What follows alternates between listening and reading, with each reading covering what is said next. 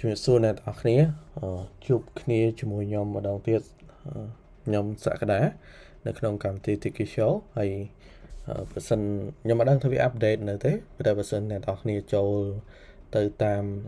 anchor.fm ណាខ្ញុំថតតាមអានកម្មវិធី Anchor អញ្ចឹងខ្ញុំបានដូរ artwork មួយចំនួនហើយតាមពិតខ្ញុំសរសេរនៅក្នុង description ថាខ្ញុំធ្វើនៅហងៃមិនដែលខ្ញុំបានធ្វើហងៃអានេះវាជាកំហុសខ្ញុំដែរ អឺឥឡូវហ្នឹងយើងចង់បកមករឿងអីដែលខ្ញុំធ្វើបន្ទាប់នៅលើ show ហ្នឹង Techie show ហ្នឹងអឺខ្ញុំនឹង talk daily មានន័យថានិយាយរាល់ថ្ងៃទាក់ទងនឹងព័ត៌មានបច្ចេកវិទ្យាមួយចំនួនអាចឲ្យអ្នកទាំងអស់គ្នាស្ដាប់ហើយក៏វាវាអាចជាចូលរួមចំណែកណាមួយ ក្នុងជីវិតអ្នកទាំងអស់គ្នាអញ្ចឹងទៅដោយសារអី podcast នៅខ្មែរយើងសម្រាប់អ្នកធ្វើតកតងរឿង technology new ហើយក៏អីខ្ញុំឃើញប្រហែលជាខ្ញុំអត់បានស្ដាប់ហ្នឹងប៉ុន្តែខ្ញុំអត់ទាន់ឃើញមានអញ្ចឹងក៏ខ្ញុំគិតថាចង់ធ្វើអានឹងមួយដើម្បីឲ្យវាមាននៅស្រុកខ្មែរហើយជួនកាលវាមិនល្អទេធម្មតាខ្ញុំទៅពីចាប់ផ្ដើមដំបូងអញ្ចឹងអានឹងខ្ញុំដឹងប៉ុន្តែអ្នកនរគ្នាចាំជួយ feedback តិចមក នៅក្នុង podcast ហ្នឹងខ្ញុំមិនដឹងថា feedback តាមណាប៉ុន្តែអ្នកនរគ្នាអាចចូលទៅបណ្ដាញសង្គមរបស់ខ្ញុំមួយណាក៏បានដែរនេះគឺបណ្ដាញសង្គមរបស់ខ្ញុំអាចថាខ្លែងខ្ញុំនៅ platform មួយណាក៏បានដែរដូចជា Facebook ឬក៏ Instagram ឬក៏ YouTube ឬក៏ TikTok ក៏បានដែរអូខេអញ្ចឹងយើងចូលដល់សាច់រឿងរបស់យើងដែលខ្ញុំនឹងនិយាយហ្នឹង ថ្ងៃហ្នឹងគឺថ្ងៃច័ន្ទទី19ឆ្នាំ2021ខែកក្កដា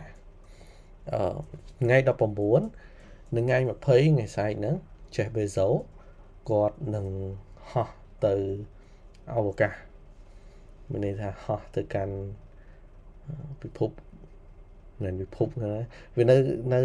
នៅផែនដីនឹងតែគាត់ថាវាទៅសតបអវកាសអញ្ចឹងគាត់ គាត់ទៅជាមួយនឹងប្អូនប្រុសគាត់ Jeff Bezos អូ sorry Mark Bezos ហើយនឹងមួយទៀត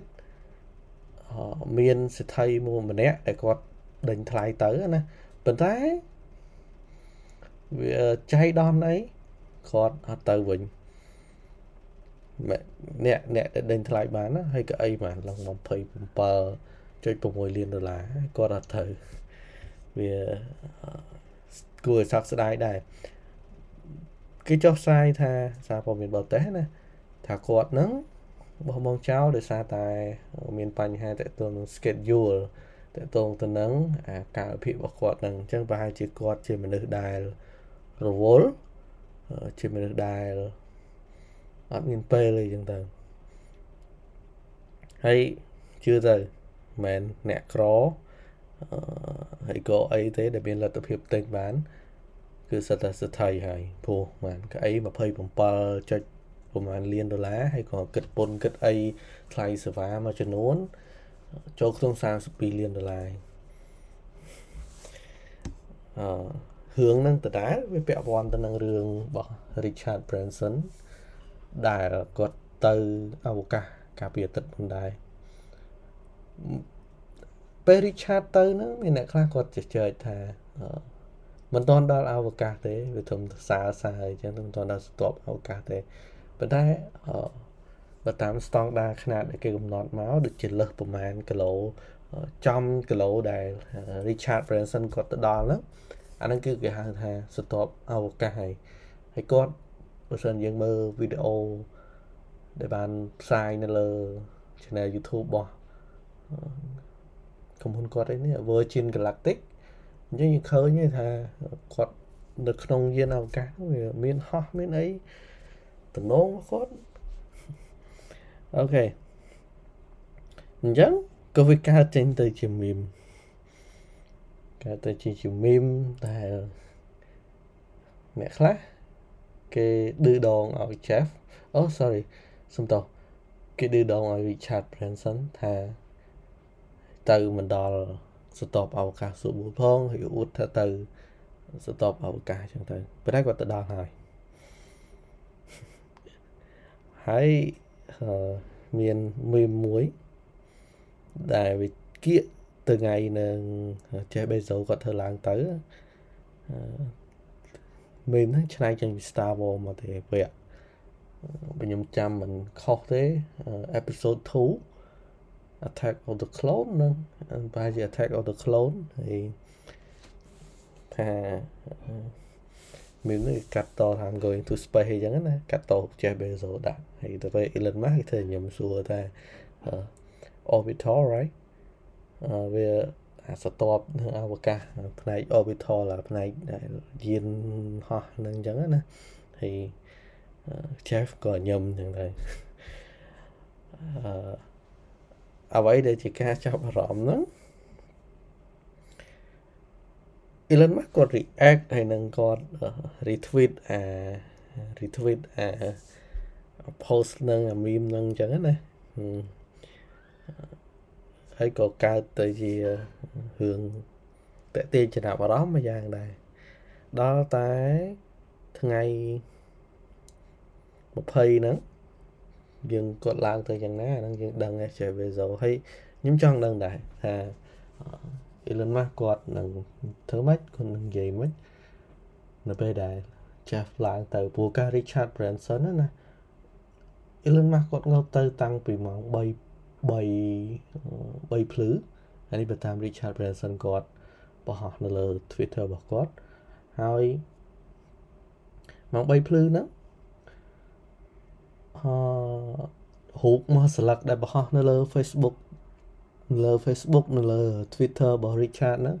Elon Musk អត់ទាំងពាក់ស្បែកជើងខ្ញុំអត់ដឹងថាវាជាចេតនាក្នុងការ marketing របស់គាត់ឬក៏មានបញ្ហាអីគាត់ភ្លេចបែកជើងនឹងណាគាត់ទៅពីចេញ YouTube ទឹកឯហ្នឹងខ្ញុំអត់ដឹងដែរគាត់ថាប្លែកដែរដែលគាត់ថតចឹងផ្ទេចឹងទៅអូខេតើតើនឹង Jeff គាត់ឡើងទៅអវកាសហ្នឹង Bezos គាត់នឹងជិះយានរបស់ក្រុមហ៊ុន Blue Origin ហ្នឹងដែលមានឈ្មោះថា Shep Shepherd Shepherd អឺសិនខ្ញុំអានកោះ New Shepherd អញ្ចឹងអា New Shepherd ហ្នឹងវាវាជាយានអវកាសមួយដែលអាចចុះចតដោយខ្លួនឯងបាន ដូច Falcon 9របស់ SpaceX របស់ Elon Musk អញ្ចឹងដែលឡើងហើយហើយយើងនឹងធ្លាក់មកវិញហ្នឹងទៅប៉ុន្តែវាអាចមាន boost មាន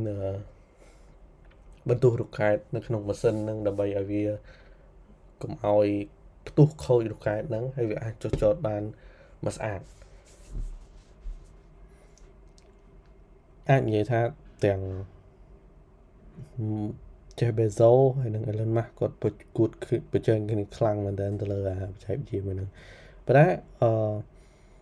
អាហ្នឹងយើងដឹងគ្រប់គ្នាយើងមើលឃើញមើលនឹងភ្នែកណា SpaceX គាត់ទៅលឿន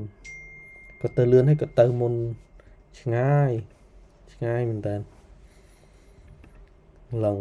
ទទួល contract ទទួលកងត្រាពីរដ្ឋាភិបាលពីក្រុមហ៊ុនឯកជនផ្សេងផ្សេង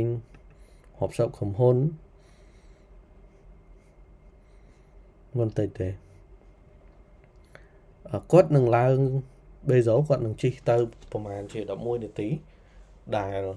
តាំងមានន័យថា11នាទីហ្នឹងតាំងពីពេលគាត់ប្រកាសនឹងបាញ់ឡើងរហូតដល់នឹងរកាសនឹងធ្លាក់ចុះមកវិញគាត់រៀងបន្ថយដែរប៉ុន្តែគាត់ថាមុននឹងចាស់ឡើងហ្នឹង Blue Origin ហ្នឹងគេតេស្តឲ្យហើយថាវាអត់មានបញ្ហាអីទេ វាអត់មានហានិភ័យសម្រាប់អ្នកជិះក្នុងហ្នឹងទេ គេមានគេហៅថាដូច escape pod ណាបើសិនយើងជិះចិត្តមើលរឿង sci-fi ច្រើន science fiction ច្រើន escape pod ហ្នឹងនៅពេលដែលវាហោះទៅអឺបើសិនជាមានបញ្ហាអីនៅអា booster នៅអា rocket ដើមហ្នឹងក្បាលដែលមានមនុស្សហ្នឹងវានឹងផ្ដាច់ចេញហើយវានឹងធ្លាក់ចុះមកហើយកលាស់ឆាត់អីចឹងទៅដើម្បី ជៀសវាងថាបើរកកាច់ផ្ទុះអាចប៉ះពាល់ដល់ជីវិតមនុស្សអញ្ចឹងគេគិតរួចអស់ហើយហើយអត្រាអត្រាដែលរឿងនឹងកើតឡើងណាកន្លងមកក្នុងប្រវត្តិសាស្ត្រអវកាសរបស់មនុស្សជាតិយានយានដែលដាក់មនុស្សជាតិទៅឡើងលើភពឡើងលើឡើងទៅអវកាសទៅភពណាមួយហ្នឹងគឺតែ1%ទេដែលផ្ទុះនឹងអញ្ចឹងហើយក៏គេមិនគិតថា Blue Origin របស់ Jeff Bezos ហ្នឹង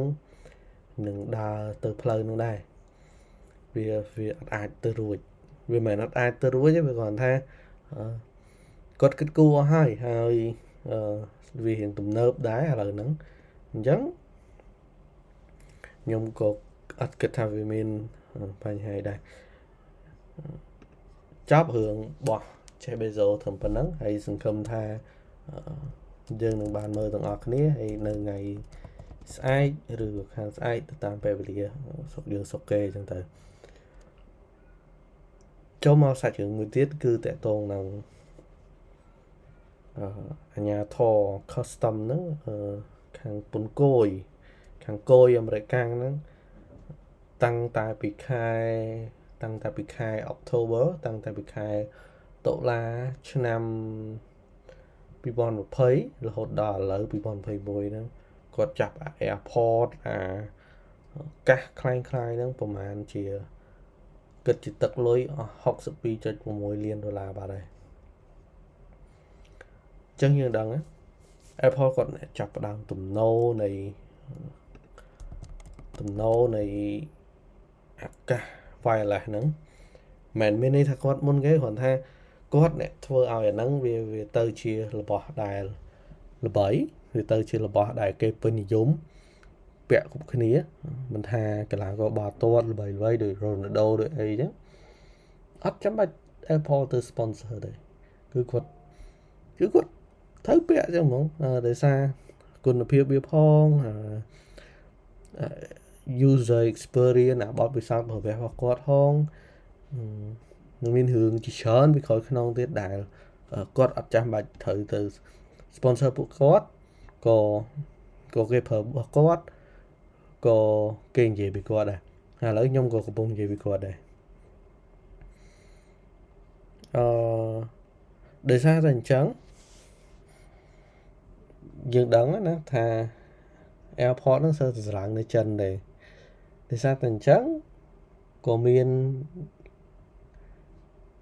ធម្មតានៅហ្នឹងវាវាមិនអ្នករស់ស៊ីទាំងអស់មិននិយាយចំថាទៀងត្រង់ទាំងអស់ទេអ្នកខ្លះក៏ទុច្ចរិតអ្នកខ្លះក៏មិនជាមិនជាស្មោះត្រង់ប្រហែលដែរអញ្ចឹងគោអាមេរិកាំងគាត់រកឃើញថាមានក្រុមហ៊ុនចិនជាច្រើនដែលចាប់ផ្ដើមខ្លែងបន្លំអា airport នឹងអញ្ចឹងណាដូចវាអត់មានអីថាខុសគ្នាប្រហែលទេរៀងដូចដូចសតនោះខ្លះគ្រាន់ថាដូរឈ្មោះដាក់ import អីហ្នឹង airport import ប្រើ bluetooth អា bluetooth ដែលយើង connect ទៅថា the bluetooth connected successfully អាហ្នឹងរបៀបអញ្ចឹងហើយ វា boom មែនតើទីផ្សារមួយនឹងរបស់មួយនឹងធ្វើគ្រប់គ្នាហើយមិននិយាយទៅអាក្រុមហ៊ុនរាយរងអ្នកតឡើងទូទៅណាសំបីតែខ្ញុំមិនចោតប្រកាន់ថាគេធ្វើទាំងស្រុងគេច្រឡំពី Apple ទេខ្ញុំចង់សម្ដៅថាក្រុមហ៊ុនធំធំមួយចំនួនរបស់ចិនយីហោល្បីល្បីណាគាត់ធ្វើកាសស្រៀងទៅនឹង Airport នឹងដែរ Airport របស់ Apple នឹងដែរគាត់ថាធម្មតាក្រុមហ៊ុនគេល្បីក្រុមហ៊ុនគេលំដាប់អញ្ចឹងអាគុណភាពហ្នឹងក៏វាល្បីក៏វាលំដាប់ទៅតាមនឹងដែរអញ្ចឹងទីផ្សារហ្នឹងលក់បានដោយសារអីយើងមើលណាអ្នកខ្លះគាត់អត់មានលុយទៅទិញ airport ថ្លៃថ្លៃនឹងទេគាត់អាចទិញរបស់ចិនទៅធូរធូរថ្លៃ ខ្លះ5រៀលអីចឹង airport គូតែមិនដឹងថាវាមានផលប៉ះពាល់អីទៀតអញ្ចឹងអានេះខ្ញុំគ្រាន់តែលើកជារូបភាពមួយនៃទីផ្សាររបស់ខ្លែងខ្លាយអានេះនៅតែអាមេរិកទេ61.7លានក្នុងរយៈពេលដល់មួយឆ្នាំហូគិតទៅនៅអាមេរិកកាំងចុះទូទាំងពិភពលោកហើយប្រទេសខ្លះដែលគាត់មិនសូវជារឹតបន្តឹងអាហ្នឹងហ្មង តែប៉ុតនៅអាមេរិកកាំងហ្នឹង airport ដែលចាប់ហ្នឹងគេអត់មានវាយផ្លាកទៅ airport អត់មានប្រាប់ថាច្រឡង airport ឬក៏អីទេគ្រាន់តែថាវាដូចសតវាដូចសតទាំង design ទាំងអីហើយ